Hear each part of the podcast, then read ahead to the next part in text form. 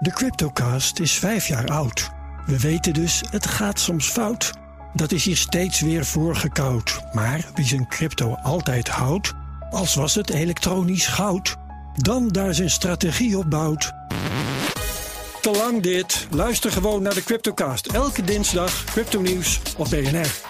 De Cryptocast, voor jong en oud. Cryptocast wordt mede mogelijk gemaakt door Bitfavo, de crypto-exchange van Nederland.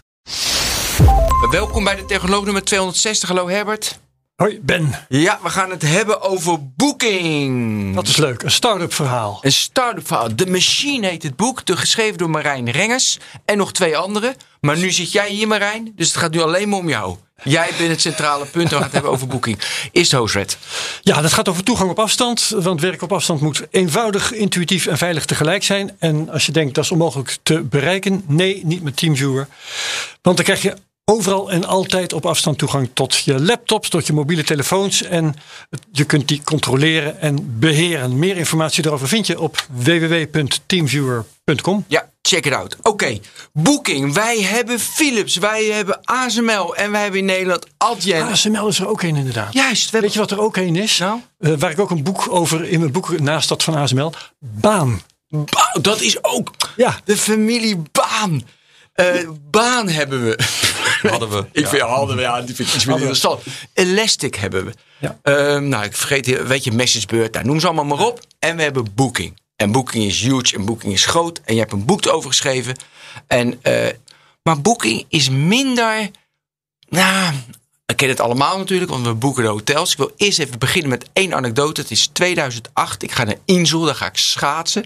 en ik, uh, ik had via Booking mijn hotel geboekt. En toen was ik Mr. Booking. dus dat hotel dacht dat ik Mr. Booking heette. Ja, dat is toch top. Ben van der Booking. Ben van de Booking was ik. dus kun je nagaan in 2008. En toen, eh, dat het toen nog zo onbekend was in Zuid-Duitsland. Dat is mooi. Oké, okay, de eerste vraag. Uh, algemene vraag. Uh, waarom is Booking eigenlijk niet zo aansprekend in business vooral als, ik noem het ASML, Philips, terwijl 5 miljard winst, groot bedrijf. Ik denk dat Booking zelf heel erg gekozen heeft voor de luwte. Altijd. Om allerlei redenen, ook zakelijk, want ze wilden gewoon niet gezien worden.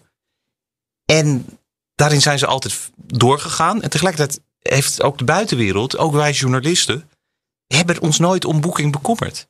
Dus het is een soort zelfgekozen isolement.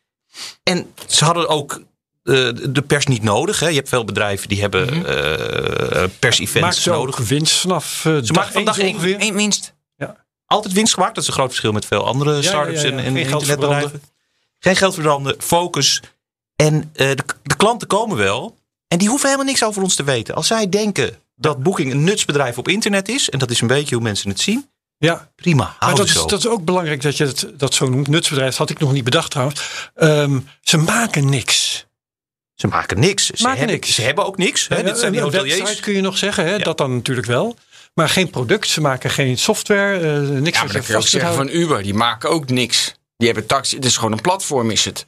Ja, maar ze zijn toch nog wel een stuk zichtbaarder. Nou, maar daarom jij zegt ze hebben het niet ja. nodig. Ze een utility niet nodig. Maar naar mijn idee heb, heeft Booking... Ik weet de theorie, ik heb het boek natuurlijk gelezen. Hebben ze, als zij meer aan branding hadden gedaan en aan likability... Hadden ze denk ik in die rechtszaken die kwamen. Dan wonnen ze wel, maar sommige wonnen ze natuurlijk ook niet. En dat hele akkefietje met corona. Ik denk dat dat misschien geholpen had. Zeker geholpen. Het had zeker geholpen. Dus ze hebben, ze hebben te lang in dat frame, in hun eigen verhaal zijn ze blijven zitten. Van wij zijn de the elephant behind the tree. Terwijl inmiddels waren ze zo groot, huurden ze op vrijdagavond het hele Torbekkenplein af. Al die cafés. ja. En dachten ze nog steeds, niemand ziet ons. Dus het, het, het, het was de Funky Fridays, hè? Wat? Freaky Fridays. Oh ja, Freaky Fridays. Freaky Fridays. En soms hadden ze super freakies. En dan waren ze nog groter. En dan gingen ze met toektoeks in de stad. En toestanden. Oké. Okay. Uh, ik wil heel graag bij de disaster beginnen. En dan moet jij even... Ah, ik heb een idee waar de disaster echt begon. Maar daarna wil ik naar de geschiedenis. Maar het is leuk om even met ja. echt de ramp te beginnen. En waar ze heel groot in het nieuws kwamen... was natuurlijk met de coronasteun. Ja. De asociale. Dat ze... Ze hebben in 2019 hoeveel miljard winst? Ja, 5, 6, 7 miljard. En, en een dividenduitkering naar de boord. Tientallen miljoenen kreeg de boord. De, de de directie enzovoort. Aandelen, eigen, eh, aandelen inkoop om de aandeelhouderswaarde op te Ja. pompen. Ja, ja, ja, ja. Vervolgens komt corona, er wordt totaal niet meer geboekt. En er ontstaat een soort paniek in het bedrijf, zowel bij de top als bij het personeel. Want ze hadden allebei geen idee hoe dat nou moest. Mensen ontslaan. Want ze waren altijd alleen maar keihard doorgegroeid. Ja. Het ging altijd over aandelenbeloningen. Hoe gaan we meer, eh, nog meer avocados bij de lunch. Allemaal luxe dingen. En nu moest er opeens problemen. Nou, ze wisten het allebei totaal niet. Nou, toen in het gesprek tussen eh, top en eh, ondernemingsraad personeel bleek opeens, hé, er is zoiets als coronasteun. Nou, toen dachten ze, weet je wat, we, we vragen het gewoon aan. Dan kunnen we die mensen wat, eh, wat langer in dienst houden. Daar was de coronasteun ook voor bedoeld. Het enige wat ze, waar ze nooit bij stil hadden gestaan, niet één tel, was dat zij eh, als eerste groot bedrijf zeiden, ze, oké, wij vragen coronasteun aan. En ze kregen het chagrijn van heel Nederland over Ja, zich heen. ja, ja, ja, ja.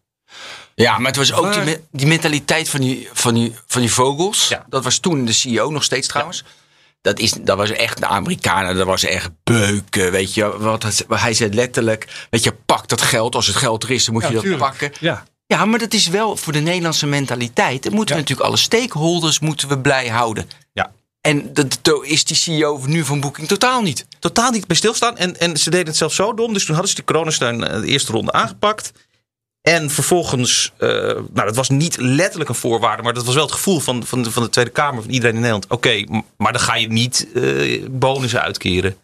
Maar het mocht wel. Dus uiteindelijk waren wij eh, in de eindfase van de research aan, van, aan het schrijven, ontdekten we, hé, hey, ze zijn toch bonus aan het uitkeren. ja. Nou, En ook uiteindelijk alsnog mensen gaan ontslaan. en alsnog mensen gaan ontslaan. Nou, wij maken een bericht van: hé, hey, ze keren toch bonussen uit.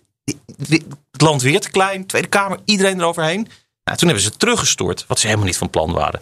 Maar als je, zeg maar, publicitair was dit natuurlijk, ja, dommer had je het niet kunnen doen. Maar Marijn, heb je die mentaliteit niet nodig om eh, de Big Five aan te vallen? Om echt groot te worden? Om echt world Ja, maar Booking valt toch de Big Five niet, de Big Five Nee, maar niet aan? ik bedoel niet de Big Five, maar echt groot. Om Nee, maar echt ze hebben met, dankzij deze mentaliteit zijn ze zo groot geworden. Maar er komt natuurlijk een moment dat je, dat je om je heen moet gaan kijken. En dat je moet zeggen, oké, hier komen we vandaan. En dat koesteren we. Eh, Als je het vanuit een bedrijfsperspectief bekijkt. Maar we moeten ons nu toch ook op een gegeven moment gaan verhouden tot het land waar we eh, gevestigd zijn. Waar we enorme belastingvoordelen genieten. Waar eh, onze mensen de huizenmarkt in Amsterdam blijvend beïnvloeden. Et cetera, et cetera. En dat hebben ze allemaal niet gedaan. Ze dachten alleen maar, we gaan nog Ja. verder omhoog. Even een, een zijpad, want in dit hele verhaal is als argument gebruikt... ja, maar Booking had toch het jaar voorafgaand, ik geloof 5 miljard winst geboekt. Hè? Ehm, waar is dat geld gebleven? Was dat al lang uitgegeven aan aandelen terugkoop en dat soort fratsen? Het is allemaal teruggevloeid naar de Ja, dus dat, dat was er niet meer. Nee. Nee, en dat is eh, goed. Dat deden het jaar daarvoor, toen er nog geen corona bestond. Deden ze ook? Deden alle Ja. eh, Nasdaq genoteerde Dus eh, winstgevende bedrijven. Ja. Ja. Ja. Maar goed, het, het, het, het- Ik vertelde, ik wilde beginnen met de disaster. Dit is zeg maar maatschappelijk een Ja. disaster. Maar eigenlijk begon het disaster ook al iets eerder. En dat was een, dat, ik vond een beetje een breekpunt. Dat krantenartikel eh 2015, ik heb het voor mij ergens opgeschreven. Een 2015 krantenartikel, ja, er staat hier. Telegraaf, re- reisreus nept klant. Ja. Dat, vo- dat vond ik een breekpunt. Want toen kregen we door. Weet je, ik heb een, weet je waarom ik een bloedhekel aan boeking heb, Herbert? Vertel eens. Nou ja, dat zijn gewoon nog drie kamers. En iedereen weet, er zijn geen drie kamers. Er zijn veel meer kamers. Ja, Rot ja. op. Oh, dat- weet je, en die kleurtjes en dat op te... Weet ik, oh, kots. Weet je, dat, weet je, mij proberen te nutsen. En die nutsdingetjes hebben je door. Weet je, dat moet je niet doen. Je moet gewoon eerlijk de klant tegemoet treden. En jij hebt ze wel groot gemaakt, hè? En ik heb ze in zo. 2008. Anyway, het erg is, ik heb dus een bloedhekel aan, maar ik gebruik dus altijd boeking. Want ja, het het is zo makkelijk. Net zoals Facebook en Instagram. Het is zo makkelijk. Goed, echt zo als een techbedrijf betaamt. Maar dat was wel, die, die, dat is een denk. Vind jij dat ook een keerpunt? Dat artikel? nou, Neppen of. het was een keerpunt in, in hoe mensen over boeking gingen Ja. nadenken. Het was een keerpunt dat mensen überhaupt over boeking gingen nadenken. Dus tot dat moment had niemand zich, was er, had, zich, had er echt bij stilgestaan. Van hé, hey, we hebben een, inmiddels in Nederland een enorm bedrijf dat echt een, een enorme impact heeft op de hele reisbranche. Op dat moment vooral nog in Europa, maar nu inmiddels ook daarbuiten. En opeens bleek daar dus van alles mee aan de hand zijn. Dat ze inderdaad dit soort suffe spelletjes eh, speelden. En, en sindsdien Ja. zijn blijven spelen. En dat was dus het spelletje. Dus dat was de, de, waar de mensen in, tegen in opstand kwamen. Dat nutje, toch? Ja, Dus nee, dat- uiteraard. Dus, dus nog vijf kamers over. Dat bleek dan, ja, als je, als je eerlijk bent, is het niet nog vijf kamers over in het hotel, maar nog vijf kamers op de site. Maar ja, dan is het eigenlijk een totaal holle mededeling. Maar dat is ene zinnetje. Daar hebben ze jaren over gedaan. Jaren mee geëxperimenteerd. Hoe groot het moest zijn. Hoe klein het moest zijn. Welke kleur. En uiteindelijk waren zij erachter gekomen. Ja, als we dat erbij zetten. Dan krijgen we sneller en meer boekingen. Ja, ja. Nou dachten ze. Ja, dan eh, gaan we het met niemand meer over hebben. Dan gaan we het gewoon overal doorvoeren. Ja. En- En gewoon een knop en als je daaraan draait, dan krijg je meer geld. Dat is basically hoe zij het zagen. En ja, dan zou je gek zijn als je het niet deed. Eh, ja, is ook zo. Ik denk Vanuit dat, een, eh, dat beurslogica. jij en ik en Ben het ook zo zouden doen als we in die positie verkeren. Niet dan? Ehm, Je hebt een knop en als je daaraan draait, krijg je meer geld. Nou ja, Draai je aan? Een aantrekkelijke knop. Ja. nee, Ja. ja. maar je kijkt natuurlijk altijd eh, wat zijn de, de drivers waarop jij je bedrijf of je als mens. Je ontwijkt mijn vraag. Zou ik dat doen? Ja. Ehm, dat hangt er vanaf van je einddoel. Kijk, is jouw einddoel wat zij allemaal hadden, heb ik in je boek gelezen, zo snel mogelijk cashen? Dan zou ik aan die knop draaien. Ja. Maar ook, ook in je verantwoordelijkheid voor het bedrijf. Verantwoordelijkheid voor het bedrijf zegt maximaliseer de winst. Precies. Dus dan is al, weet je, iedereen had opties. Dus voor iedereen heb je een gezamenlijk, dat moet je doen. Alleen, ik denk dat een bedrijf meer is dan alleen maar shareholder value. Dus alleen maar zo snel mogelijk cashen. Ik denk dat je ook een maatschappelijke taak hebt en een, een sociale taak. Dus ik zou die tijdspannen iets meer, dus ik zou andere KPI's toevoegen. Van wat betekent het uiteindelijk voor de belasting. Wat betekent dus, ik zou iets maatschappelijke rol. Alleen zo'n type bedrijf is het niet. Dus het is een keuze altijd van voor wat voor type organisatie wil jij werken. Nou, deze mensen willen werken van maximaliseren. Ja, ja, dat, was, dat kwam heel erg vanuit de top en dan vanuit de Verenigde Staten. Maar ze hadden natuurlijk prima kunnen zeggen: Weet je, we doen niet eh 30% winstmarge. Maar weet je wat, we nemen gewoon genoegen met 29% winstmarge. dat is nog heel behoorlijk. Iedereen blij. Dan heb je 1%, dat is echt heel veel geld bij Booking. Daar had je alles mee kunnen fixen. Dus het, het, het kortzichtige dat zit hem ook in, die, in, die, in, in het alleen maar eh, winst als, als, als je stuurvariabele. Dat is gewoon. Share, Ja, shareholder value is het enige wat telde. En, en, en daardoor, kijk, nu is voor mij, maar dat is natuurlijk helemaal niet waar, is Booking kapot. Is niet waar, want ze draaien als een tierenlier. Dat is, maar ik vind, de, maar is dat zo? Is het kapot? Nou, het is, het is, het, de glans is eraf. Dus, dus dat, je moet als mensen niet, zeker nu, een, een soort gevoel bij je hebben, dan kan je daar echt last van hebben. Nou, dat is aardig. Want kijk, nu. Ik, ik heb nu een hekel aan Booking te gebruiken. Ik heb een hekel aan dat ik nog steeds Gmail gebruik. Ik denk, Ben, doe even normaal. Weet je, ik heb een hekel aan dat ik af en toe naar Facebook ga. Daar heb ik een hekel aan. Maar ik doe het wel, want het is makkelijk. Maar het is wel opvallend. Vijf, zes jaar geleden had ik daar moeite mee. Dus het is wel, straks komt een keerpunt dat er dus een alternatief is dat wel ook zo gebruiksvriendelijk is. En ook het aanbod heeft. En dan ga je dat wel gebruiken. Dus het is wel kwetsbaarder. Een boeking maakt zich kwetsbaarder. Nee, daarom. Dus, dus ook dat pleit ervoor dat je als je als bedrijf, eh, als je iets verder kijkt dan alleen eh, de, de bonusuitkering van volgend Ja. jaar, is het ook verstandig om. Ben, ken jij al alternatieven? Eh, ja. Eh, oh, heel leuk. Oh, heel leuk. Ik ben er naartoe gegaan. De naam weet ik niet meer, maar hadden ze hele leuke hotels in Antwerpen. En Het is een Antwerps bedrijf. Antwerpen en Amsterdam. Jij ik weet Nee, de naam. Ja, die naam schiet me ook even. Maar die, die, zij zij, zijn, zij hebben toen op de verontwaardiging van Booking. Ja, ehm, precies. Hebben ze, Hebben ze een, eh, hebben ze heel een erg rondje- hadden wat geld opgehaald, maar goed, het is Ah, niet zo is makkelijk hoor. Dat, het, Nee, dat wordt jongen. het natuurlijk niet. Zullen we... Oké, dus de, de, de, de, het is- ze gaan nog jaren door en ze dat, pakken alle en dat is prima ook. Maar Vind jij, hebben we al de Doom voldoende verteld? Of wil je nog een voorbeeld van Doom vertellen? En dan gaan we daarna naar het begin misschien nog nou, één de- voorbeeld. ja, goed, nou, de, de- een ander voorbeeld van de Doom is dat ze. ehm, Ja, Moonbag. Onze, ja, dankjewel Daniel. Moonbag heet dat bedrijf. .com alternatief. Of eh, .be? Of? Ik hoop kom. Als ze dat niet hebben gekocht. er zat, er zit natuurlijk ook een doom in en ook een tragiek in hoe ze met hun, met hun eigen personeel zijn omgegaan. En ook dat, dus de klantenservice bijvoorbeeld was altijd een heel wezenlijk onderdeel van Booking. En die mensen die, die zaten in hetzelfde kantoor, die konden ook doorgroeien. Ja, ja, ja. Op een gegeven moment hebben die Amerikanen, onder, onder leiding van die Amerikanen, hebben ze gezegd: ja, die klantenservice, dat, dat is gewoon een klantenservice. Daar gaan we niet, dat vinden we niet zo interessant. Dus die moeten in maar even in een ander kantoor. En jezus, wat hebben die dure lunch. Nou, Ja, goedkoper. In Sloterdijk. Dus, eh, daar staat ja. boek Winterig Sloterdijk. En eh, dus ja, op een gegeven moment ontstaan. En dan moeten ze, maar misschien in plaats van 15, moeten ze misschien nu 20 eh, telefoontjes en mails per ja. uur. Nou, dat alleen maar aandraaien, aandraaien, aandraaien. Totdat daar ook totaal chagrijn losbarst. Er, er steekt niemand meer over naar het grote boeking. Dus ze moeten dan internationaal gaan werven. Terwijl ze dus hun eigen mensen vergeten. Omdat ze gewoon uit zicht zijn. Ja, en dan, die mensen raken overwerkt. Plegen er twee zelfmoord. Het is echt heel erg. En het is zo onnodig. Ja. Dus daar zitten wel voortekenen van een soort doem in. Dat, je, dat het je niet meer lukt om je eigen mensen te betrekken bij dat bedrijf. Dat in, zeker in de, in de start-up fase voor iedereen vond het fantastisch om Heb jij inzicht in ehm, wat die verhuizing van de klantenservice naar Sloterdijk en alles wat daar verder eh, bij kwam, wat dat ze heeft bespaard en hoe zich dat verhoudt tot hun winst? Daar ben ik wel benieuwd naar. Nee, ik, het precies getal weet ik niet. Maar dat is echt, he- dat is Heel echt weinig, heel erg weinig is dat. Ja. Omdat, eh, want het kost je, je kan ook betuigen dat het je geld kost. Hè? Als, als Zeker, mensen niet ja, ja. snel genoeg te woord gestaan Ja, worden. Dus ja. het, het, het is gewoon ja, pennywise, pound foolish. Ja. Oké, de- maar gewoon hoe, het, hoe de doem ontstond. We hebben nu drie voorbeelden van. Kijk, personeel vind ik iets minder. Ja, zo die optieregeling. Ja. En je kan ook altijd ontslag nemen. Hè. Dat is echt mogelijk in Nederland. Dus dat, je zit nooit vast. True. Ja. Om- Oké, maar laten we nu even naar het begin gaan. Want het begin is ook gewoon een, een ja, Twente, al die mensen. Bruinsma, wat een gast. Ja, het, ja, heel schattig en ook heel leuk. Ja, dus Gert-Jan Bruinsma, de man die Booking nou niet eens echt helemaal bedacht heeft. Want dat heeft zijn stagebegeleider gedaan. Dat heeft hij later een beetje weggemoffeld. Maar ze zijn nog wel close met elkaar. Maar goed, dus zijn stagebegeleider zei op een gegeven moment... Gert-Jan, is dit niet wat voor jou? Jan moest toch wat. Eh, Gert-Jan moest wat en had lang gestudeerd. Nou ja, vooruit, oké, ik, ga, ik, oké, ik ga het proberen. Iets, het begon met knutselen, met faxen, met, weet je, zoals vroeger computers werkten. Dus Nee, je maar moest- ook een boek kopen. ja, en een boek kopen, een Pearlboek. Met Ja, een, eh, een pul voor beginners. Pearl voor beginners. Dat is toch geweldig? Ja, zo begint Boeking komt eruit ja, ja, ja, daar komt Pearl. En eh, zo'n oud computer in elkaar schroeven met die oude kaarten Ja, ja, en zo. modems. Ja, modems. Zijn vriendin die had dan nog ze had een soort telefoonsysteem. Dan had zijn vriendin eh, dat ingesproken. Hè? Press one voor one room, press two. Nou zo. Ja, ja. Het is super knullig, maar hij zat precies op het goede moment.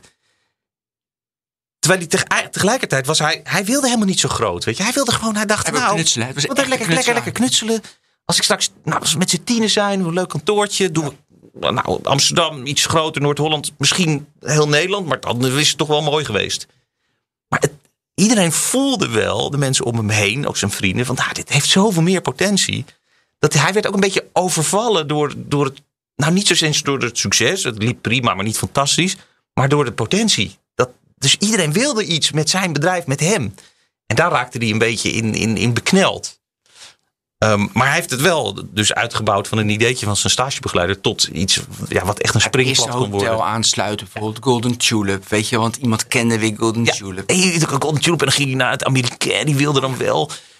Maar ze, hij had het bedacht, het moet helemaal geautomatiseerd. Hè, want ik ben een internetbedrijf. Maar het Amerikaan zei, ja, sorry Geert-Jan, dat gaan we echt niet doen. Dus dan zat hij s'avonds de faxen over te tikken. Dat vind ik nog het mooiste haast van het hele verhaal. Dat eh, jarenlang dat er eh, handmatig van alles nog wat is Er gebeurde van handmatig van alles. Er zaten allerlei mensen, zeg maar, de combina- dus, dus de ene computer deed dit, de andere computer deed dat. Maar dat sloot, sloot niet altijd helemaal aan. Dus moest er toch weer gebeld en gerepareerd worden. En als je terugkijkt, dan is het zo idioot. Want tegenwoordig is het natuurlijk allemaal eh, geautomatiseerd. Volkomen geautomatiseerd. En je, gaat er, je denkt er helemaal niet meer bij na. Suffe dingen als dat je op een kaart je hotel gaat uitzoeken. Nou, dat is nu echt. Weet je, mijn kinderen die weten niet beter. Die denken, ja, dat heeft altijd bestaan. Maar dat is ja, echt ja, ja. bedacht en het is gemaakt. En in dit geval door Booking. Dat, zij hadden het voor Google. Google Maps bestond nog niet. Google Maps bestond nog niet. Klinkt bijna als een soort weemoedig. Google Maps bestond nog niet. Het bestond nog niet. En dus ook nou ja, dat ze dat allemaal aan het uitvinden waren. Dat waren wel de heydays. Dat waren echt de mensen die er toen werkten. Vonden het ook waanzinnig. Je dus alles wat je be- kon bedenken, dat ging je dan maken. En, dat, dat- Ja. en je gooide het online en het werkte. Ja, dat En wat was het verdubbelen per maand of zoiets? hè? Dubbel, ja, niet normaal. Wat mij in die begintijd opviel, dat het al heel veel aandeelhouders getrut was. Heel erg. En we Nou, net... weet je wat mij opviel? Eigenlijk daar, eh, stadium daarvoor nog. Hoe makkelijk de aandelen werden weggegeven. Ja, precies. Want het Ah, ja. het bedrijf begon nog niet. Of eh, ehm, Geert-Jan had eh, twee derde van zijn aandelen weggedaan. Ja. Ja, heel... ongelooflijk. Zoveel... Nou, maar, maar daarom even... We hebben net geconstateerd, de, alleen maar Shell, de maximalisatie. Je kocht een aandeel voor het nu in. 5000 euro of zo. Ja, En nog gulden, gulden. het begon, het was, vanaf het begin was het al aandelen. Dat was een ding. Het was niet van, ik heb gewoon 100%, iemand helpt mij en ik doe 10% reservering. Nee, maar goed, kijk, Geert-Jan begon, wist van, hij had eh, in Twente gestudeerd. Hij had ook een lesje eh, geld ophalen eh, gehad. En een wel. lesje internet. Nou, dat heeft hij een beetje gecombineerd. Dus hij heeft gewoon zo'n, de mensen die, die, die een e-mailadres hebben, die kregen een e-mailtje van, hallo, ik ben Geert-Jan Bruinsma. Je kent me misschien wel. Wil je me helpen? En, en, zo, en ik wil 50.000 gulden bij elkaar hebben. En dan ga ik beginnen. En hij gaf inderdaad twee derde van zijn aandelen weg. Dus ook niet de helft min één of zo, twee derde. Dat is een valuatie van, eh, van 75.000 Ja, ja, eh, ja. gulden, hè? Gulden voor het hele bedrijf. En dat is van die investeerde twee derde is heel stom. Want daardoor is de incentive van Geert-Jan weer minder. Dus Ja. die Maar was... zo, dacht, zo zat hij er helemaal niet in. Dus de, de, de- later werd toen op een gegeven moment. Dus het begon met heel veel aandeelhoudersgedoe. Want het waren ook nog zijn vrienden die, die, Oh, dachten van. Ja, Geert-Jan, nou, je bent een geschat. En de ene had. Dus die, die had er tien en de ander had er twintig. Maar toen had, dat was dus aan de ene kant heel leuk. Maar het was ook meteen gedonder. Want je, had dus, je gaat meteen in je vriendengroep. eh, Nou, dat is, en zo is het ook gegaan. Daar zijn ze nog redelijk doorheen gekomen. Maar de eerste, ze hebben jarenlang alleen maar over geld met elkaar gepraat. Ja, dat is natuurlijk toch gek. Dat is heel anders dan als je, waar, waar je het normaal met je vrienden over Ja. hebt. Ja. Ja. En toen kwam Kolen en Noorden. En toen kwamen Kolen en Noorden. Ja, die zaten er al in als een van de vroege aandeelhouders. En toen mislukte bij die gasten echt alles wat Ja. ze maar deden. Nou, eerst ging het een tijdje goed. Toen kreeg Ja, je de, de dotcom-bubbel. ja, En ja. toen waren- stonden ze eigenlijk met lege handen. Ze hadden nog één stroom. Eén deelnemertje. Dat was Geert Jan. Die inmiddels in Amsterdam dus eh, reis- eh, en hotelovernachting aan het verkopen was. En toen dachten ze, nou dan, dan, gaan we, dan plakken we ons daar wel tegenaan. En, en, en zo geschieden. En zij waren veel harder. Ze zagen de potentie veel beter. Ehm, Eigenlijk betere zakenmensen ook, hè? stukken beter. Stukken. Simpelweg. Ja. Simpelweg. En dat, dat vond ik ook heel mooi. Mooi. Maar eh, ja, toch wel bijzonder om te lezen eh, dat er zo'n eh, aandeelhoudersvergadering was. alweer een paar jaar later geloof ik. Dat de voltallige aandeelhoudersvergadering Bruinsma zat te vertellen dat hij een slechte CEO was. Een CEO was. En dat ehm eh, Ko- Kolen moest worden. Ja. Ja, wat ook waarschijnlijk ja. waar was. Dat was absoluut waar. Want Bruinsma raakte een beetje bekneld tussen, tussen zijn vriendschap en iedereen. Alles moest via hem. En hij had ook stukken geprogrammeerd, maar hij, had, hij was in, met dat boek begonnen. Maar hij was niet een fantastische programmeur. Dus, dus, was, dus hij, zat, hij had alleen maar gedonder van het feit dat hij ooit een bedrijfje was begonnen. En dat was zo in tegenspraak met wat hij eigenlijk wilde. Nou, dus toen zeiden ze. En, en op dat moment waren Kolen en Noorden, die hadden dus Nog een kleine deelneming. die hadden nog een kleine deelnemer. Die waren op zoek om iets om Iets hun ambitie op bot te vieren. Ja. Nou ja, en die ze hebben zichzelf erin geschoven. Op een vrij eh, brute manier eh, de rest eruit gewerkt. Ja, maar vertel me even hoe, want dat was inderdaad vrij bruut. Nou, wat ze gingen doen, ze zagen dus eh Booking. En dat Booking draaide behoorlijk. En ze hebben toen een bedrijfje ernaast gezet. Ongelooflijk. En die gingen, eh, die gingen tientallen, honderden websites bouwen. Boek een hotel in Praag, boek een hotel in Zwitserland. En die stuurden dan eh, de klanten die op al die websites binnenkwamen naar Booking. Het is een soort spammen. Het is een soort spammen. Ja, Nee, het is niet echt spammen, maar het, het, het, wat, eh, al die sites wisten ze heel goed te positioneren. eh, in, Google search, en in de search engines Ja. die toen opkwamen. En zij hadden gewoon. Kolen en. Noorden waren goede zakenmensen. En ze hadden een paar goede programmeurs die bij Capvomac, later Capgemini vandaan kwamen, aan zich gebonden. En die, die konden dat gewoon razendsnel en volledig geautomatiseerd. Waar Geert-Jan nog alles zeg maar, handmatig zat te programmeren in Perl, gingen zij honderd keer sneller. In een paar maanden waren ze net zo groot als Booking. Het Dus bizarre was, zij leverden klanten aan Booking. Terwijl Booking bestond om klanten te leveren aan hotels. Ja. Het was, eh, ja, eh, de, de, ze zeggen wel eens, internet eh, bespaart je de middleman. Maar hier werd een hele estafette van een middleman. hele estafette van middelman. Maar, Maar het doel was om, om Booking uiteindelijk leeg te zuigen. En dat, zo is het ook gegaan. Ja, maar wacht even. Want die, weet je, eh weet je, boek, to, eh, weet je, Vacation to Praag. Ze de, zaten heel goed in de search. Dus mensen zochten naar Praag, hotel. Ze kwamen op die pagina en hij stuurde ze door, door naar Booking. En daar zaten de hotels in Praag. Hadden ze toen gewoon affiliate fee, kregen ze van 15% of zo. 50, hè? Dat was de deal die ze hadden gemaakt. Ja, met zichzelf. Want Kolen, die zat, Kolen was de baas. dus, maar ik, maar ik was vergeten. Kolen was de baas, de interimbaas bij, eh, bij, bij Booking. Bookings heette toen nog. En Kolen was 100% eigenaar van dat booking portal. Ja. Wat Het zo is, heet het? het is vrij wild als je er wat langer over nadenkt. dat is is ook krankzinnig dat, dat, die, dat, die dat aandeelhouders. gepikt dat Bruinsma dat ja. gepikt heeft, dat die aandeelhouders dat gepikt hebben. Ja. Maar ja, Maar Kolen was een, is een ja, hij was wel een rouwdouwer. En ja, nog hè, maar toen ook. Ja. Vertel even iets over zijn geschiedenis. ja, Kolen is boerenzoon uit Bergijk. Zoon van een koeienboer. En uh, Milk de kous, milk de kous. Keiharde werker. even wat dat is. Ja, milking de kous. Nou ja, dat, is, dat zei hij altijd. Hij zei, jongens, we, we moeten milking de kous. Dus je moet als eerste, want dat moet je als boerenzoon ook altijd doen. Anders knappen de uiers. Dus je moet 's ochtends als eerste de koeien melken. En als je dat gedaan hebt, kan je gaan nadenken over wat je verder nog gaat doen die dag. Dus eerst wat je moet doen, dat moet je doen. Dat moet je eerst doen. Ja, en dat was zijn mantra. En dat, eh, of had meer mantras, maar dit was een bekend mantra.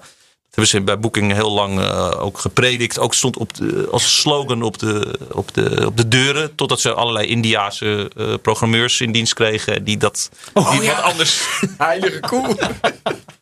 Maar goed, dus dat was een van zijn mantra's. Kolenboerenzoon, keihard werken, eh, motorcrossen. En ehm, ja, de ideale eh, man die een, een, een goed idee groot kan maken. Dat is eigenlijk wat hij fantastisch heeft gedaan. Ook bezeten. Beze- totaal maniacaal Ja. bezeten. Elke, dat, dat je elke avond, moet je nagaan, elke avond om tien over twaalf belde Kolen en een aantal mensen in het bedrijf elkaar. Keken ze op de, op de dashboard van wat hebben we vandaag gezien? Elke Snappen we na het? middernacht. Tien minuten na middernacht. Want dan was duidelijk wat er die dag allemaal gebeurd was. Oké, hebben we nog eh, een Dat seconde? staat niet in het boek. Jawel, dat staat er ook wel even Oh, dat in. heb ik overheen gelezen. En, en dan wel, één ding wat ze bijvoorbeeld konden zien is dat er waren veel mensen op zoek naar een hotel in, eh, in, in Beieren. En dan, en dan wisten zij, ja, maar we hebben maar acht hotels in Beieren. Dus dan wisten zij, morgenochtend, first thing, gaan we met z'n allen hotels in Beieren bellen. Of ze niet klant willen worden bij Booking. Ja. Nou, die, maar je moet wel mensen hebben die dus elke avond om tien over twaalf nog scherp zijn en zin hebben om met de Kees Kool aan de lijn te hangen. Ja, en dat, ik heb nu heel veel vragen. Ik doe eerst, de, ik wil namelijk heel graag over de platform. Moet je eerst eh, het aanbod hebben of eerst de vraag. Maar daar komen we zo op terug. Daar kan je vast over Eerst nadenken. kolen. Hm? Maar eerst kolen. Hoe kreeg hij die mentaliteit? Want hij vindt dat leuk. Weet je, ik vind het leuk. En Herbert vindt het leuk. En jij ook. Maar er zijn heel veel mensen die zeggen, jou, doe even lekker normaal. Was dat puur de optieregeling? Nee, want in het begin was dat natuurlijk veel minder van belang.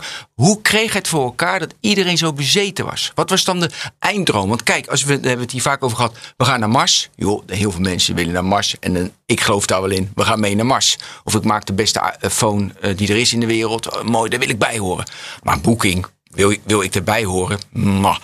Dus hoe, hoe kreeg hij het voor elkaar? Ja, het was echt wat hij goed gedaan heeft, wat ze met z'n allen goed gedaan hebben. Het was echt heel leuk om daar te werken. Dus ze zaten. eh, op een kantoor- sfeer gewoon de op de sfeer op, de werkvloer. Was, Van een secte? was, nou, call it what you want, misschien wel. Maar het was echt heel leuk om daar te werken. Er was heel veel te doen, maar er, er lukte dingen. En dat gaf een, hij, hij nam mensen aan, ook sporters. Dat vond hij Mooi, belangrijk. mooi deel van het verhaal vond ik, er waren nooit budgetten. Dus alles kon. Alles kon. Als je iets wilde proberen, dan kon het. En als het mislukte, was het niet erg ook. Nee, maar ook omdat natuurlijk het geld bleef Ja. goed binnenstromen. Dus je kon dingen proberen en je, het mocht ook mislukken. Dat vonden ze ook niet Dat was een erg. verhaal dat ik, dat ik me ook, eh, dat herkende ik van eh, het boek over baan dat ik heb gelezen.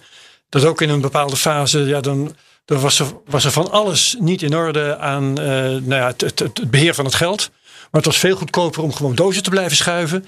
dan om wat te doen aan de, de financiële lekkage die er ook was. En dat was bij Booking precies zo op Idem. dat moment. Ja. Dus dat gaf heel veel energie. Dus een groep mensen van eh, begin 30 bij elkaar. eh, nou, die, die, die, en ze ging, ze, ze- hij zei, we gaan de wereld veroveren. En ze gingen de wereld veroveren. Ja, maar weet je, wat, wat verover je? Dat iedereen kan boeken, heel, heel Ja, makkelijk. oké, goed. Je kan, je kan er afstand van nemen en denken, wat zijn we nou eigenlijk aan het doen? En wat maakt het uit of je in 15 of in 20 seconden een hotel hebt geboekt? Maar het, het was markt veroveren, daar een kantoor openen, daar naar die hotels toe, het samen vieren. Ja, Gewoon de, dus rush goed. van, Ja, ja, ja. van, het, van, het, van de groei eigenlijk. Ja. Echt dat- een eh, groot spel risk. als Ja, het is een groot spel risk waarbij iedereen wint aan de tafel. Dus niet die ene, maar met z'n allen, we zijn met z'n allen aan het winnen. En hij kon ook goed die mensen het gevoel geven dat ze dat met z'n allen deden. Dat was ook zo. Maar degene die er verreweg het meest van profiteerde was hij. Maar goed. Maar wat ik ook nog wel even, want we hebben het over Kees Kolen, eh, van je wil horen, is het verhaal over zijn medewerking aan eh, eerst jullie artikel in NRC en daarna aan het boek. Ja, die was er totaal niet. Sterker nog, we hebben echt... Dat vind ik het pikant en typisch voor de man ook, hè? Ja, het, het is een hele typische man. Ja. En Nee, het verhaal is typisch voor de man bedoel ik. ja, het verhaal is typisch. Ja, maar alle, ook. allebei. Ja. Dat is voor jouw rekening. We hadden, we, hadden, hè, we hadden dus eerst. Het, het boek is ooit begonnen, eh, anderhalf jaar geleden, met een groot artikel in NRC. Ja. Mijn collega Stijn had daarvoor met Kees Kolen gesproken. Eh, een paar weken daarvoor. Het artikel ging over de arbeidsomstandigheden, toch? Nee, dat was, het was eigenlijk een soort, soort Oh. prelude op het boek. Het was een soort, het heette Booking is uitgefeest. Het was eh, van, oké, er zijn nu coronaproblemen, maar wat is de geschiedenis van Booking eigenlijk? En waarom weten we er niks van? Dat hebben we Dat was de. Volkskrant was dat, ja, die Ja. eh, probleem. Nou, mijn, mijn collega had met, met, eh, met, met Kees Kolen gesproken. En ehm, dus er staat bij dat stuk. Nou, Kees Kolen heeft ook meegewerkt aan dit verhaal, want we hadden hem gesproken. Nou, daarna ging Kees Kolen ballistic. Die werd helemaal gek dat we hadden opgeschreven dat hij had meegewerkt. Onze analyse is dat hij gewoon vergeten was, want het is nog wel een drukke man, dat hij met mijn collega had gesproken. Maar sindsdien eh, zijn de verhoudingen met Kees Kolen tussen ons en Kees Kolen buitengewoon slecht. Dus hij heeft We hebben hem echt wel 15 keer benaderd. Ik ben naar Hengelo geweest waar zijn, om met zijn dochter te spreken, die zijn woordvoerder is. Ik stond na 10 minuten weer buiten. Eh, Nou, dus het, en hij bleef maar buitengewoon onhebbelijk. Ehm, en ik begrijp eigenlijk ook niet zo goed waarom. We hebben mensen in zijn omgeving, in zijn nabije omgeving gesproken, die zeggen: Kees, waarom doe je nou niet mee? Want als jij het verhaal niet vertelt, vertellen mensen het over je. Nou goed, ik denk dat, hij, dat hij als karakter nog steeds goed en oprecht in het boek zit. Dus we hebben niet, eh, het is geen afrekening met Kees Kolen. Zeker niet in dat Totaal boek. niet. Nee, hij heeft, Je laat zeker, veel te goed wegkomen, vind ik. nou, hij heeft daar hele goede dingen gedaan. En dat Ja. hij daarna is, hij heeft hij een aantal enorme miskleunen gemaakt. Goed, die liggen een beetje buiten de scope van het boek. Nee, maar daar, daar kan hij natuurlijk wel heel pissig over zijn. Wat? Nou ja, de- ja die miskleunen heeft hij zelf gemaakt. En die, bedoel, daar, daar gaan we niet enorm op, op, op inzoomen nu. Nou, ja, ik vind. Nou ja, Ja. ik vind een beetje. Weet je, iemand is toch een groot. Weet je, tech-entrepreneur. Hij heeft dit echt groot gemaakt. Het is knap, een platform in Ja. de wereld groot maken. Boeh, pet af. Kan niemand, dat heeft niemand gedaan zo groot in Nederland. Dat zou ik ook mooi vinden als hij dat uitdraagt. Dat hij daar een voorbeeld in neemt. En dat heel veel jonge mensen daardoor geïnspireerd raken. Weet je, en alle nuances die er nu zijn over zo go, go, go. Of dat wel goed is, wat zijn de gevolgen. Dan, moet, dan heb je, vind ik, een verantwoordelijkheid te nemen naar de maatschappij. Hij, wa- was er hij was er bijna. Hij zat bij de Wereldrijd Door. Hij was de man. Wat heeft ook bij Uber nog eh, Ja, dat was toen die eh, met dat... eh, eh, met die energie, met die zonnecentrale in Twente. Stond toen zat hij bij de Wereldrijd Ja, door. Rutte, de Chinese premier. Hij had alle Ja, kaarten in handen. maar ja. hij was karakterologisch, denk ik. Maar goed, dit is koudgrondpsychologie. niet in staat om ja. het. En hij, hij omringt zich, want hij, zit, er- hij doet eh, ook nog steeds alle dingen in de landbouw. Daar ook met echt best wel bedenkelijke zakenlieden. Dus hij, hij, hij is toch naar binnen geklapt. En hij heeft zich waarschijnlijk hij heeft zich alleen maar omringd met mensen die zeggen: Kees, je hebt altijd gelijk. Maakt niet uit wat je zegt. Ja. Oké, nog even één ding over Kees. Ehm, want het was, oh ja, ik vond het zo lachwekkend. Die, eh, die, die had hij in, eh, met een mail naar de directie met kerst, eh, kerst 2001. Dat hij uit het managementboekjes. Dat, dat is allemaal. Het klinkt zo knullig dat hij allemaal quotes uit managementboekjes. Weet je welke quotes dat waren? En de, Ja, de- hij ging over het Pareto-principe, maar ook milking the cows. Dat hij dan een beetje zelf no-show ponies. Het zijn allemaal, ja, het zijn echt een soort tegeltjeswijsheden. Dat je, als, je, als je ze zo leest, denk je, ja, ja dat, dat kan je toch niet serieus nemen? precies. Maar op de een of andere manier, als hij naast je stond en dat tegen je zei, dan die mensen hebben daar enorm. eh, die dachten, ja, dit is, dit is boeking. Ja. En eh, toen op, op- een aantal jaar later dachten ze, we gaan ze eens een keer op papier zetten. Toen stonden ze allemaal op papier. Toen dacht Stort iedereen, ja, Ja, maar dat is omdat je mystiek niet. Weet je, dat, krijgt kan het je- niet. Dat krijg je niet op papier. je krijgt het niet onder woorden. Dan ging ze dan iedereen uitdelen en dacht iedereen, ja, Wat een lulligheid. wat een. Hey, wat ik heel erg mooi vond, is die duizend experimenten per dag. En straks komen we bij toen het misging dat er niks meer te experimenteren viel. Want de optimalisatie was op. Dat vind ik heel interessant. Dat wil ik later af, doen. ja. Het was af. Maar eerst die duizend experimenten. Dat strookt eigenlijk niet met die 80-20 regel. Dus Kees Kolen zei van in 80% van je, je moet, weet je, niet het laatste stukje zoals een, een topsporter of een topwetenschapper kost veel te veel energie. Heb je maar 20% winst. Je moet die eerste 80%. Ja. Laaghangende fruit. Ja, moet je pakken. Maar als je alleen maar experimenteert, moet, weet je, als je optimaliseert, ben je bezig juist wel met het laatste. Ik zag dan een.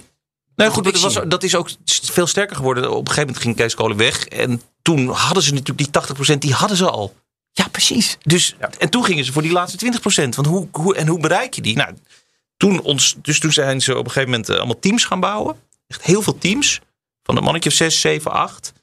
En elk team moest proberen te eh, een, een eigen expe- optimalisatie-experiment te Ja. bedenken. Dat werd allemaal. Nou, de boeking heeft zoveel traffic dat je, je kunt ze allemaal tegelijk draaien.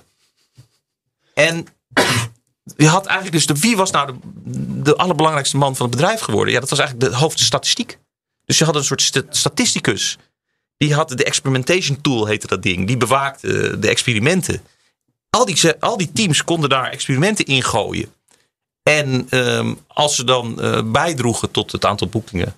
Ja, en dat merk je vanzelf. Ik bedoel, dit is heel makkelijk. Je merkt vanzelf wanneer eh, pogingen om eh, het rendement te verhogen niet meer renderen. Ja en nee. Je, wat er op een gegeven moment gebeurde was inderdaad... waar jij je doet- naartoe wilde... is dat experiment voor experiment... lijken ze nog wel te laten zien dat het beter wordt. Mhm. Maar als je een keer... maar dat, dat hebben ze nooit aangedurfd. Op een gegeven moment zaten, want zaten natuurlijk echt razend knappe... eh, gepromoveerde statistische wiskundigen, ja. noem maar op. Ja, ja, ja. Achter is iemand, weet je wat ik doe? Ik ga de afgelopen 100 experimenten bekijken. Dus als, en ik doe een experiment met mijn experimenten. En die zag, jongens, eigenlijk is de site af. Het, het, het, dus het lijkt wel iets bij te dragen, maar eigenlijk draagt het niks meer bij. Nou, dat is een vrij dramatische dat, conclusie. Dat is dramatisch. Ik wil even één stap terug. Uh, wat ik een heel mooi was in een podcast een keer met Max Zuckerberg. Toen vertelde hij bijvoorbeeld er werken wel tien teams van tien man. Werken bijvoorbeeld aan het optimaliseren van, uh, van uh, zeg maar foto's. Dat je een foto maakt. En dan concurreren ze met elkaar. En één van die teams winnen. En die mogen experimenteren met op duizend gebruikers, 10.000 gebruikers. En wie wint, die mag uiteindelijk naar 100 miljoen gebruikers of 200 miljoen gebruikers. Die anderen hebben pech. Zat het een beetje ook zo uit bij, want jij zei verschillende teams. Concurreerden ze ook op bijvoorbeeld een rode knop, een tekstje? Ging het en concurreerden ze ook? Of was gewoon één team moet, data, moet data verzamelen over de knop, de rode knop? Nee, het, het, was ook niet dat ze eerst een soort concurrentie hadden en dat de winnaar dan uh, live mocht. Het, nee. ze, ze, waren eigenlijk all in. De hele tijd iedereen all in. Dus maar ze hadden wel verschillende taken. De ene moest ja. hotels, de andere meer aan de klantenkant, de andere de beoordelingen. Ja. Je kan natuurlijk van alles tweaken en, en je moest een soort uh, onderbouwing geven. Hè? Dus je moest daar wel uitleggen eerst waarom je dacht dat dit zou kunnen helpen. Nou, en, dan, uh, en dan probeer je het. En dan probeer je het. Oké, okay, nu, wat natuurlijk ook heel erg boeiend is dat het af is. Want wij hebben geleerd, de wereld is nooit af. En vooral de software is nooit af. Want menselijk gedrag verandert iedere dag. Dus je kan, dan moet je eigenlijk de site aanpassen aan menselijk gedrag. Dus nu is er coronapiek. Weet je, dat verandert gedrag van boeken. Uh, Trump wordt. Nee, nee, nee. Dus mm-hmm, door ja. allerlei omstandigheden verandert iets. Dus het is nooit af. Hadden ze het automatisch zo aangepast aan de economische omstandigheden, de sociale omstandigheden, de maatschappelijke omstandigheden? Of ga ik nu, kan je die datapunten niet meten? Dat is te vaag. Hoe, hoe... Nou, Booking heeft altijd een site gehad. Het motto vanaf het begin was: je moet boeken en oprotten. Dus ja, het is geen esthetisch project. Mooi, ook zo mooi. boeken en oprotten. Boeken en oprotten. Dus het is niet zoals op Funda. Hè. Mensen vinden het heel leuk om op Funda rond te kijken. Ja, nou, dat, niks stickiness, daar hebben we niks aan. Je hoeft, je hoeft, daar zit echt niet op te wachten. Mensen die maar dat is ook een rare filosofie. Want allemaal hotels kijken. Want de kamers, ik kijk heel vaak gewoon kamers. Denk maar je ik kunt er geen twee tegelijk boeken, Ben? Ja, maar je wilt toch kijken welk hotel ga ik nu nemen. Dus wil ik dat hotel goed zien. Ja, maar goed. Maar dat is wel inderdaad dus ook. Dus veranderd, hè? Ze, en ze hebben ook wel in die zin een beetje last gekregen van de nieuwe generatie. Die via Instagram, die via alle andere platformen weer daarop komt. Die wat meer aan het kijken zijn. Maar dat, daar hebben ze nooit op geoptimaliseerd. Simpelweg nooit. En ze hebben ook niet de sociale omstandigheden. Economische omstandigheden. Iedereen, ik bedoel, of je nou uit uh, Rusland komt of uit China. Je krijgt gewoon hetzelfde ding voor je snuffert. Uh, en, um, dat is opmerkelijk ja. trouwens, hè? want ik kan me best voorstellen dat ja. in verschillende culturen dat uh, verschillende optimalisaties kunnen werken. Ja, nee, goed, dat ja, klopt. Klopt. Dus daar hebben ze ook wel kleine dingetjes gedaan. Maar het basisprincipe is gewoon: het, is gewoon één ding. Je weet ja. wat je krijgt en het werkt als een malle. Ja. Het is de toegang tot het grootste hotelaanbod ter wereld. En je hebt in, in uh, drie klikken een hotelkamer. En dat hebben ze nooit uh, daar hebben ze nooit aan, nee. aan, aan, het basisprincipe. Wel aan al, alles wat je ziet. Alles, elke letter, elke grootte, elke pixel is over nagedacht en doorgeëxperimenteerd. Getest. Wat, ja. ik, wat ik wel um, nog aan je wil vragen. Je hebt het voor een deel eigenlijk al verteld. Maar ik wil er toch nog even specifiek op ingaan. Uh, Booking had uh, op een gegeven moment. Wat was het nou? 16.000 of 35.000 werknemers. Hoe, hoe, wat was het aantal precies? Nou, dat hangt vanaf hoe je, hoe, hoe je telt. 20.000 ongeveer. 20.000, ja. goed, prachtig. Um, dan vraag ik me af. Wat deden die dan allemaal? Ik bedoel, uh, ja, uh, nou, hele grote klantenservice. Klantenservice. Echt, echt, dus dat is het grootste onderdeel van het bedrijf. Programmeurs. Heel veel programmeurs. Statistici. Marketing. Nou, statistisch zijn er niet zoveel. Marketing. Ja, uh, ik vraag me werkelijk af hoeveel mensen kun je daarmee aan de praat houden. Maar ja, en op een gegeven moment zijn ze ook dochterbedrijven gaan kopen. Hè. Dus mm-hmm. er, kwam zo, er hoopte zich zoveel geld op bij Priceline. Dat ze op een gegeven moment dachten, ja, we gaan ook vliegtickets, we gaan ook andere ja. dingen proberen. Dus, toen hebben, dus onder die, bij die 20.000 zitten ook andere bedrijven die proberen het boekingmodel op autoverhuur toe te passen. Wat weer een stuk ingewikkelder is. Uh, om allerlei redenen. Ja. Maar daar zitten ook, hopen, uh, ook heel veel mensen. Oké, okay, oké. Okay. En ze uh, hebben misschien ook te veel mensen in dienst. Hè? Nou ja, dat, daar wil ik eigenlijk dat is eigenlijk. En, want, want toen kwam het moment, wanneer was het nou ook weer precies dat ze zeiden: ja, eigenlijk is de site af, er valt niet meer te optimaliseren? Nou, dat hebben ze zelf nooit eh, aangedurfd. Die, Oké. Dat is onze conclusie. Ja, dat is jullie conclusie. Nee, maar dat is een goede conclusie. Dus, maar Want wat mijn zelf, vraag, mijn vraag zou zijn, als ze erachter komen, dan moeten ze dus mensen aan de dijk gaan zetten. Moeten ze zorgen Nou ja, dat kijk, je dat hebt natuurlijk, zelfs ik bedoel, er komt weer een nieuwe generatie telefoontjes. De, dus, dus ook om het, om het bijhouden is ook al heel veel werk. Ja, Dus, dus dan heb je het niet over menselijk gedrag dat verandert. Nee. Misschien ook wel, maar, je hebt het, nou ja, dat valt ook onder menselijk gedrag natuurlijk. Dat ze niet meer gebruik maken van een PC met een browser, maar van een smartphone. Dat moet je weer helemaal daar moet je dan programmeren. En dan heb je eh. Samsung ja, en wat denk Apple. het schalen dat ze moeten doen? Weet je, wel, het is best wel eh, groot. Heel veel en, en verkeer. kijk, contact met die hotels, Ja. dat, dat, Ja. dat onboorden gaat nu allemaal digitaal. Maar er is natuurlijk wel eens wat. Er moet gebeld worden. En, Oh, en dat wil ik nog even vaststellen. Dat, dat vond ik wel leuk. Had ik eigenlijk veel eerder moeten doen. Ehm, waar was eh Geert-Jan Bruinsma nou goed in? Hè, dat was dus niet in programmeren. Dat was niet in het leiden van een bedrijf. Maar, ehm, wat ik uit het boek haal, dat is dat hij eigenlijk maar in één ding goed was. En dat was hotels werven. Ja, Klopt dat of ik zie je bedenkelijk kijken? nou, Dat valt was dus- hij ook niet dus buitengewoon goed in. Hij was een hele introverte jongen. Dus het, het was voor hem wel heel fijn. Hij had er dat- veel succes mee. Hij had er veel succes mee, maar dat was meer omdat hij iets had, iets te bieden had. was. Maar Dat e-mail waar. was Dat- bijvoorbeeld voor hem een uitkomst, want hij hield niet zo van bellen. Dat, heb je, dat, Ja. dat staat in het boek, klopt. Ja, ja, ja. Ja. En voor, voor de optimaliseren, ik heb er nu even over na kunnen denken. Dat is natuurlijk als je meer een utility hebt, dan ben je sneller uit geoptimaliseerd. Ja. Want ja, en hij beschouwde natuurlijk heel lang boeken oprotten als een utility. En heb je meer een experience site, weet je wel? Dan kan je optimaliseren, want dan ga je met het gedrag van mensen. En welke mensen, en de ene kijkt anders dan de ander. Dan heb je je persoonlijke timeline en dan blijf je wel optimaliseren. Kwam ik in, Nee, maar dat klopt. denken. Dus het is, het is een hele, het heeft een hele narrow focus eigenlijk. En daar, En naar mijne zijn ze ook te laat begonnen met het meer een experience site maken. Wat ik zei, mooie hotels bekijken, mooie omgevingen bekijken. Maar goed, ik, ik weet dat er heel veel... eh, eh, nou ja, dat probeerden ze, maar dat lukte niet. Zullen we een beetje weer eh, teruggaan naar de chronologie? Want dan ben ik... ik vond die, oh ja, want dan kom ik bij die weddenschap met Van, eh van Ree en Bruinsma. Dat was van, gaat het om het aanbod? Dat was een weddenschap zelfs. Ja. Of gaat het om de vraag? Dus moeten we zorgen dat ze zo eerst alle hotels hebben aangesloten. Dat was Bruinsma volgens mij. Ja, ja, onbeperkt aanbod. En hij zei, als het, als het aanbod is, dan komen de mensen echt wel. Want ja, je wil, dat is lekker ieder hotel. Of Van Ree zei, nee, je moet zoveel mogelijk mensen er naartoe. Ja. Waar sta jij in dit veld? Ik ben namelijk op de hand van Bruinsma. Eerste taxis, eerst hotels, eerst eh, alle content van de wereld. eh, eerst alle zoekresultaten die er maar zijn. Dan ga ik er wel naartoe. Dus ik sta heel erg eerst aanbod. Dan komt de vraag vanzelf. ja, intellectueel is dat goed begrijpelijk, maar Zakelijk niet. zakelijk niet. Maar dat geeft niks. Maar je kan. Nou, Nou ja, als je een bedrijf wil runnen natuurlijk wel. Maar Ja. nou, wat ze, zij zijn eigenlijk hebben dat aan elkaar opgetrokken. Dat, dat ontstond als een soort Ja, compromis. het En geld dat, kwam vanzelf meteen in het begin. nee, er was genoeg geld. Ja, maar, maar dan, er is nooit genoeg geld om alle hotels Nee, in, in China klant- binnen te trekken. Je, je kon niet iets klaarzetten voordat de klanten eh, kwamen, want de klanten kwamen meteen al. Dat ook. En, en, en ze hebben dus het, het, het aanbod uitgebreid aan de hand van wat de klanten wilden. En dat is natuurlijk, als je zochten dat lukt, ja, dan, ben je, dan zit je meteen goed. Dus dan ben je niet aan het voorinvesteren, want je weet al dat er vraag is. Ja, dus om tien over twaalf voor zo'n call. Ze zagen heel veel zo- zoekresultaten naar Shanghai. Dachten ze, jongen, Shanghai, heel snel hotels aansluiten. En zo, dus zo gingen ze mee met de klant eigenlijk. eh, in, in, hun, in hun aanbod. En dat werkte als een malle. Nu, Ja. nu denk je, ja, zo doe je dat. Maar dat was toen absoluut niet vanzelfsprekend.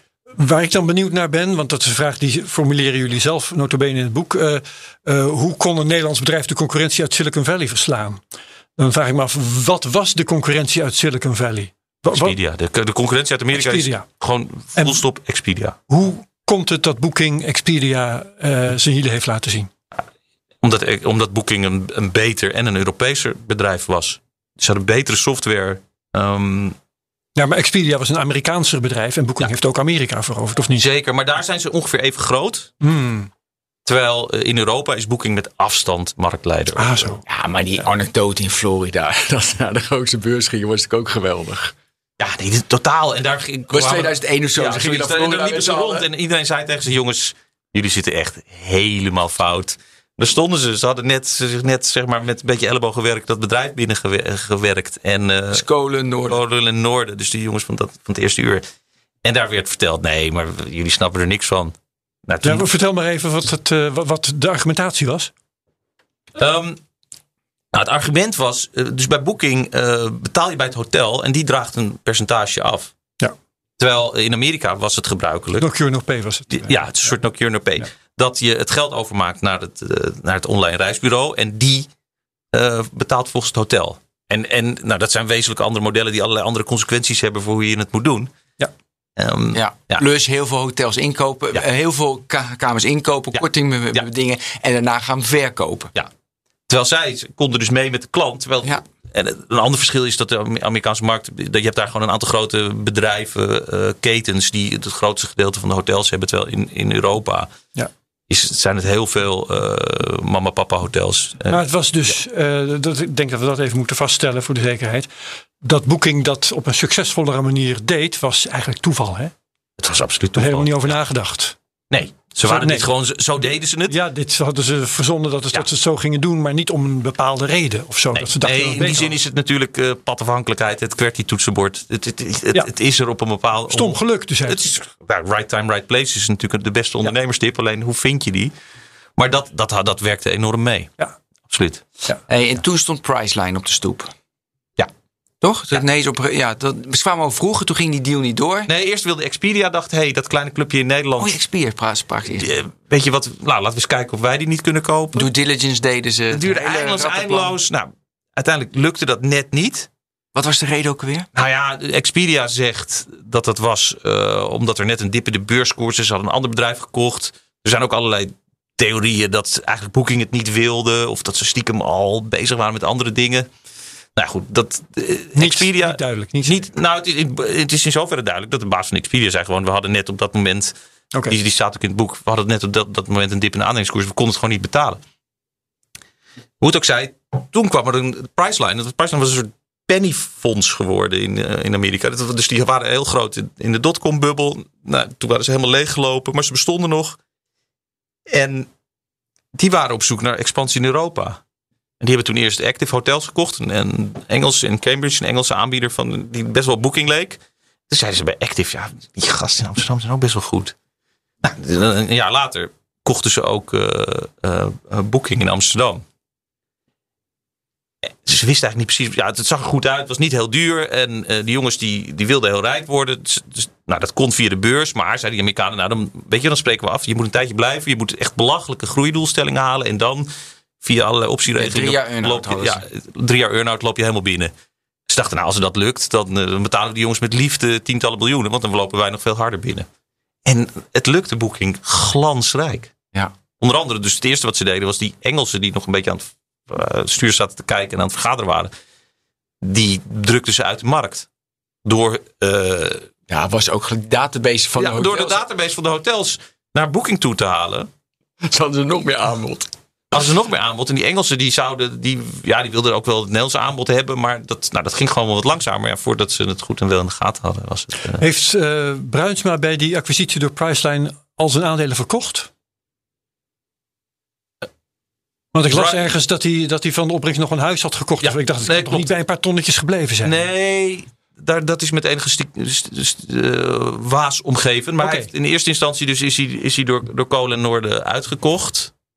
En, en toen hebben Kolen en Noorden eh, het vehikel waarmee ze eh, Bruinsma hadden uitgekocht, verkocht aan Priceline. Oké. Maar ze hadden hem nog wel wat aandelen toegestopt. Oké, dus hij is niet helemaal naast de pot gepist. niet helemaal naast de pot gepiest, maar als je het vergelijkt met de huidige beurswaarde, dan Ja. Ja, even nu, even nu. Zijn die mensen die er nu allemaal bij betrokken zijn, want er zijn echt heel veel. Zijn die nu, of je zei het net al half, op goede voet niet? Zijn het, is het een beetje pijn? Bij hoeveel mensen zit er pijn? Nou, er zit. Die vriendengroep rond Bruinsma, die is nog redelijk intact. Dus dat, dat hebben ze op zich knap gedaan. Ja. Dus op verjaardagen gaat het nu over iets anders, niet meer over geld. Er zijn natuurlijk een paar, eh, want zijn beste vriend was Sikko Berends. Dat was echt zijn beste vriend, die hoorde ook in die vriendengroep. Maar ja, die, daar kreeg je ruzie mee over eh, het bedrijf. Dus dat is uit elkaar gelopen. Ehm, maar dat, is, dat, dat groepje, dat, dat functioneert nog redelijk. Ja, en, en, en die andere mannen, Kolen, Noorden, Van Rey, dus de mannen die het aan Priceline hebben verkocht, die, ja, die hebben hun deal gedraaid samen. Die zijn, die zijn ook uit elkaar. En weet je, eh, we hebben het hier wel gehad over de, de PayPal-maffia, die eh, later, eh, weet je, waar Elon Musk uitkomt en, ja, enzovoorts. Was dit ook een soort groep mensen? Die, ze maakte elkaar helemaal gek, dus dat was zo, eh, zo een groep mensen. Maar daarna heb ik ze niet meer zoveel. Nee, gezien. ze hadden, ze waren, ze hadden eh, Klaar. de een paar miljoen, de andere tientallen miljoenen verdiend. Stef Noorden is, naar de, spirit- is gaan mediteren op een berghelling in Zuid-India. Ehm, Ook mooi, Ook mooi. Herman van Ree, die is het, een museum, het Noord-Veluws Museum begonnen. heel belangrijk. Ook heel belangrijk. Kees Kolen is Kees Kolen. Ja, Ook eh, belangrijk, honderden ja. miljoenen zag Honderden miljoenen, ja. Dat, dus die, die heeft het meeste geld van allemaal. Ja, ja, ja. Maar dit was hun, dit was hun, hun bang. En ze hadden niet de behoefte om daarna zichzelf enorm te post- nog, nog andere dingen te gaan doen. Ja. Dit was hun, hun truc, hun kunstje. Ja, oké. Priceline eh, verkocht er nou drie jaar. En toen viel me op dat Kolen nog daarna drie jaar bleef. En dan verdiende hij geloof ik 25 miljoen per jaar. Dus dat snap ik voor het geld. Ja. Maar toch vond ik het opvallend. Vaak gaan mensen natuurlijk naar de earn-out iets eerder weg. Want dan is de earn-out geweest. Nou, eh, we hebben- hij had op zich wel de, de ambitie om misschien ook de baas van de hele Priceline groep te Ah, worden. Maar dat lukt toch ook niet helemaal. Die Amerikanen wilden eh, ook niet... Aparte de- mentaliteit van die Amerikanen. Ja, Conservatieve. conservatieven. Er zijn een paar mormonen in de boord. Dus, dus die, die keken altijd een beetje... Nou ja, enerzijds met bewondering. Want het is de beste aankoop ooit geweest. ja. Maar ook met een soort wantrouwen naar wat, wat dat, ding in Amsterdam. Dat maar groter werd en geld uitspuugde. Maar ook, ook voor... Doe. Maar dat komt ook. Kijk, kijk, ze wilden het snappen. En Booking was natuurlijk eigenlijk niet te snappen. Het was natuurlijk één bij elkaar geraapt zootje mensen die er helemaal alleen ervoor gingen. De daily. eh, Maar is dat nou heel veel anders dan bij andere bedrijven? Ik- Dat is, bij veel bedrijven is het toch een samengeraapt zootje. Ju- Juist, maar Ja. weet je, mensen willen het dan gaan snappen. Want als je naar de beurs gaat, dan moet je het snappen. Mensen willen, maar dat is Wat is de succesformule? ja, maar dat is natuurlijk heel lastig. Je wil het snappen en je wil er allemaal regeltjes en checks en dingen omheen bouwen dat het niet uit de rails gaat lopen. En, en nou ja, dat, dat zorgt dan altijd weer voor frictie. Dus eh, Ja, maar dat is zo mooi. Want juist de kracht is van dat het ongeregeld was. Dat er geen regeltjes waren. Ja. En dat moet je eigenlijk dan nog groter, groter, groter, groter. Met differentiëren dat je nog meer markten. Bijvoorbeeld de auto-industrie en noem allemaal maar op. Maar uiteindelijk gebeurt dat niet. Dan, dan, dan zit er toch een rem op. Ja. Het is niet schaalbaar. Ehm, Als het gaat om succesformule heb ik nog wel een vraag.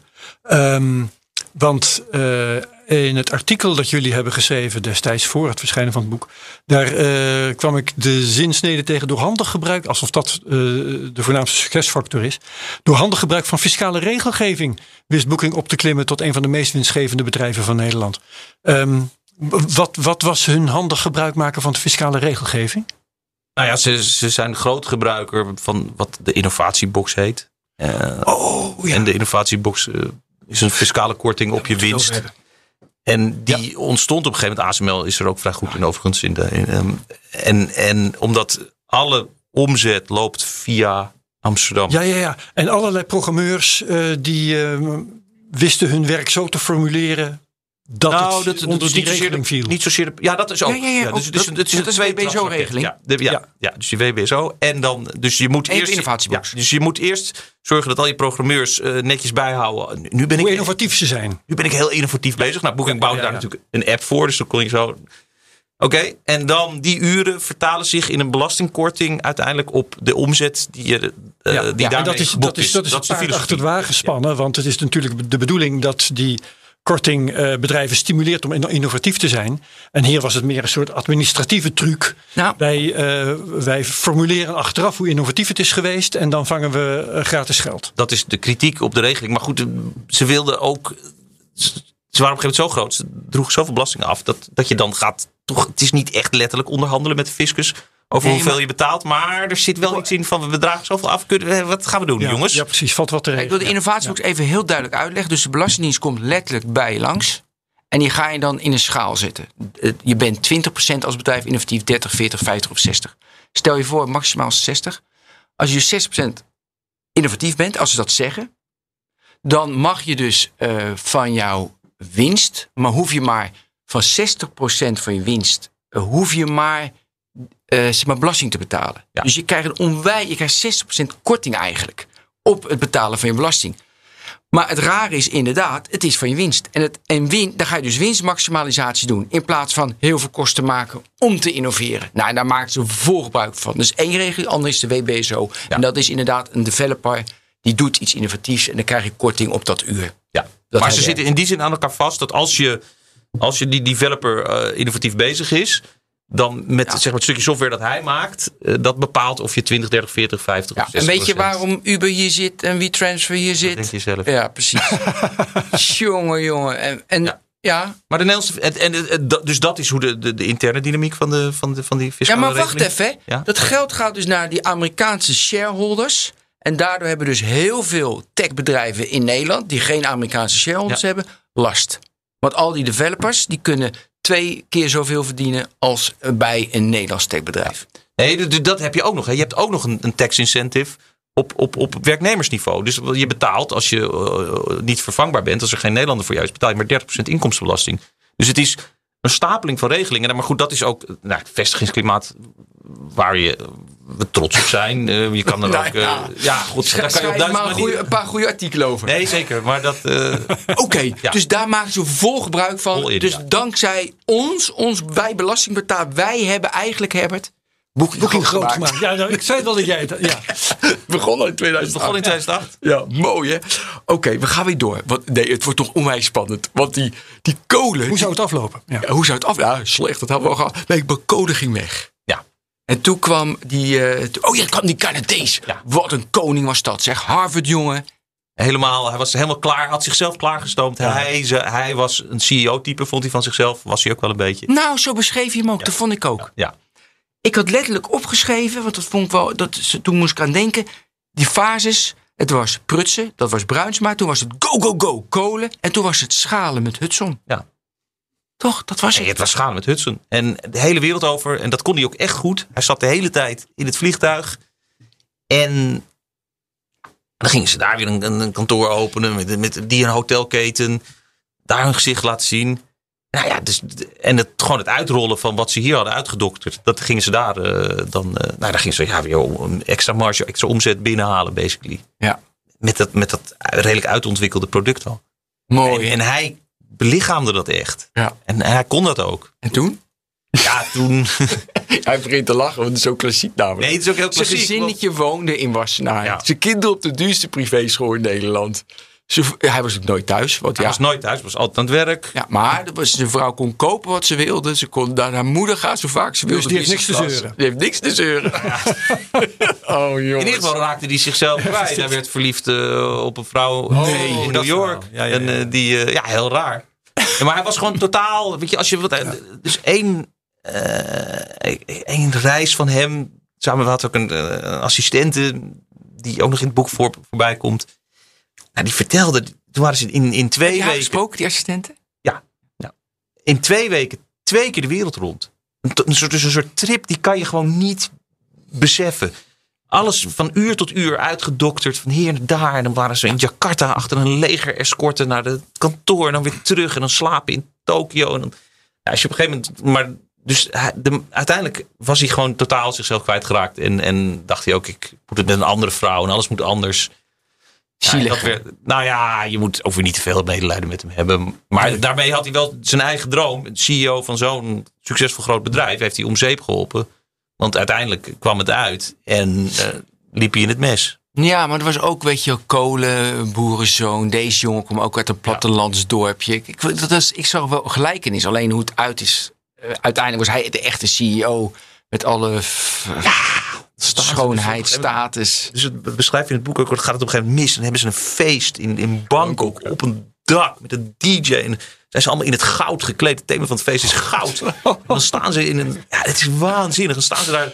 Dan start de muziek in en dan staan ze daar ja, gewoon helemaal dronken van zichzelf. Bij Uber deden ze tenminste nog wit, volgens mij.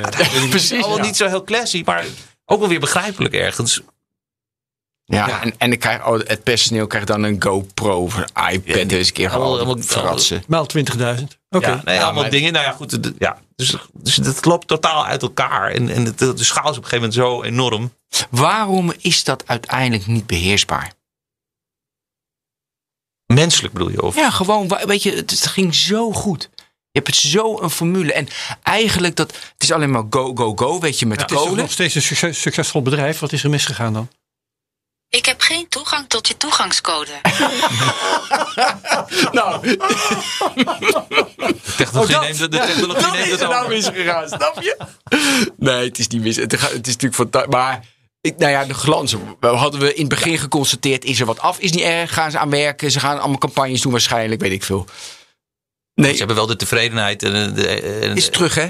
nee. Niet? Niet. Dus de tevredenheid. Nee. Het is nog steeds echt. eh, echt Kjommer en Kjell. Ja, en nu eh, hebben ze Amerikaanse bazen die allemaal op afstand zitten. En dan proberen dat bedrijf hier dat ook nog kreunt en steunt onder corona te managen. Dat is ook allemaal nog best ingewikkeld.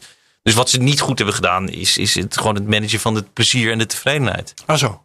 Dat is minder dan, laten we zeggen, in de jaren nul. Ja, en, en ook Ja, in de jaren tien. Het is wel echt Nederlands dat we plezier. Kijk, bedoel, denk je nou echt dat als jij, ehm, noem maar wat.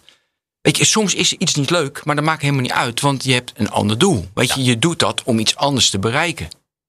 Nee, dat is waar. Maar Dus- dus, dus, eh, dat, dat ben ik met je eens. En er zitten allerlei mensen die verdienen klapgeld. Dus die vinden Ja, het allemaal prima. Dus Dat doen ze vier, vijf jaar opties cashen en dan ga je, ga je weer wat anders doen. Ga je ook weer wat anders doen. Nee, dus misschien is dit het ook. Hè? Is, is ook het bedrijf. Maar je moet daar eerlijk in zijn. Weet je, je moet daar open in zijn. Van, ik doe het daarvoor. Ja, dus dat snap ik. ook, ja. Maar we moeten even terug naar Hudson. Dus hij kreeg een vriendin en toen eh, werd hij eh, op. Nou, dus iemand heeft ze verklikt. Dus er kwam een, iemand heeft ze verklikt. Daar komt het van op neer. Oh. Iemand heeft een briefje gestuurd naar de, die, die conservatieve board in Amerika. Van wisten jullie wel dat, dat, eh dat Dern het, eh, het aanlegt met een, eh, met een ondergeschikte? Ja, en toen En dat was in strijd met eh, company policy of zo. Ja. ja, ja. Ja, nou in Amsterdam vonden ze, nou ja, Dern, weet je, stom kan gebeuren.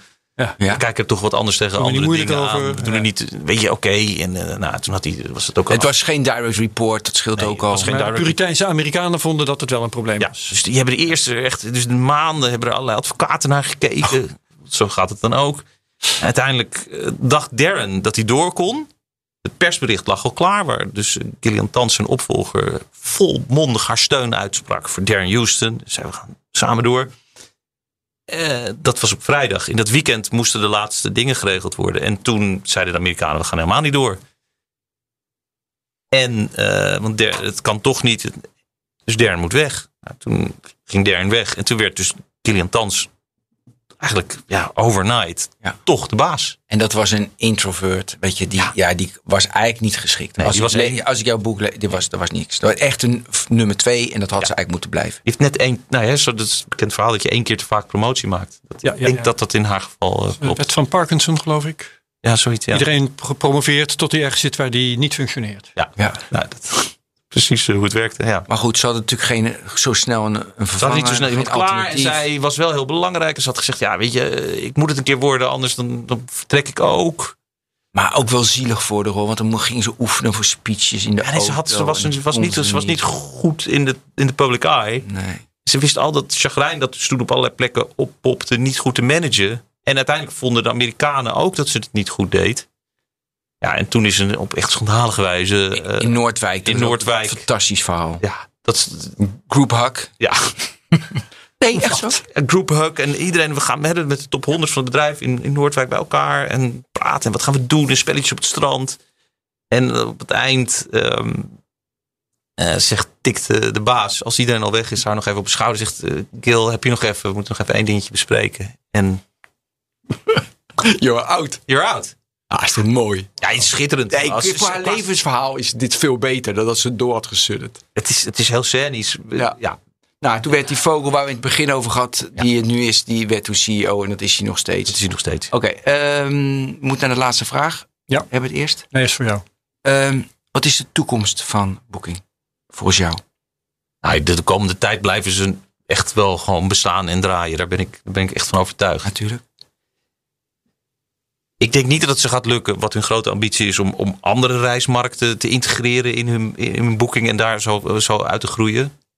En ja, of er uiteindelijk een concurrerend platform het overneemt, of dat consumenten eh, zelf rechtstreeks er hun weg gaan vinden naar hotels. Hoor ik ook steeds meer. Dat hoor ik ook steeds meer.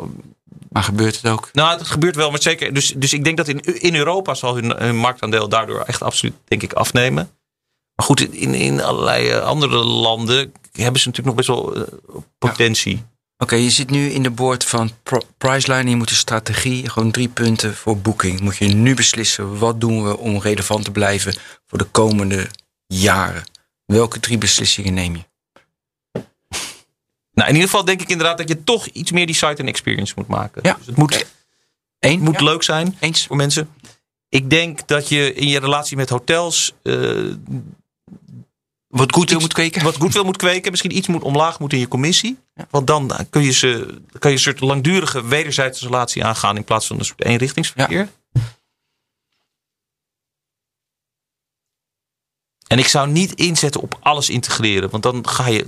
Dan is, dat is zo groot en zoveel. Je kan er beter één niche bij pakken waar je om te beginnen maar eens kijken of je daar ver in kon komen. Bijvoorbeeld autovuur, om te Bijvoorbeeld autovuur, ja. Maar ze doen nu en vliegtuigen, Ja. en autovuur, en je, Ze doen nu, En daar een beetje focus op. daar moet volgens mij meer focus, want anders dan verwatert het alle kanten. En ophouden met die flauwekul van er zijn nog maar twee kamers? Of werkt dat, Dat is- goed? Nou ja, dat zou wel tof zijn. Maar dat, dat, dat zie ik ze niet doen. Maar dat, dat zou wel een signaal zijn, weet je. Want het is natuurlijk super goedkoop. Dat weet ook iedereen. Ja. Dus er komt een moment dat je kan zeggen, we hebben het niet meer nodig. Maar dan moet je wel een heel grote meneer zijn om dat aan te durven. Nou, ik weet jouw volgende baan. Eh, in de boord bij Priceline. Hij wordt weggekocht. Ik die wordt weggekocht.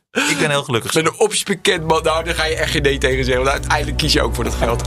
Ehm Marijn Rengers, hartstikke bedankt. We spraken over de machine, over Booking. Herbert, bedankt. En bedankt. Tot de volgende technoloog. De Cryptocast is vijf jaar oud. We weten dus, het gaat soms fout. Dat is hier steeds weer voorgekoud. Maar wie zijn crypto altijd houdt, als was het elektronisch goud, dan daar zijn strategie op bouwt. Te lang dit. Luister gewoon naar de Cryptocast. Elke dinsdag crypto nieuws op BNR. De Cryptocast, voor jong en oud. Cryptocast wordt mede mogelijk gemaakt door Bitfavo, de crypto-exchange van Nederland.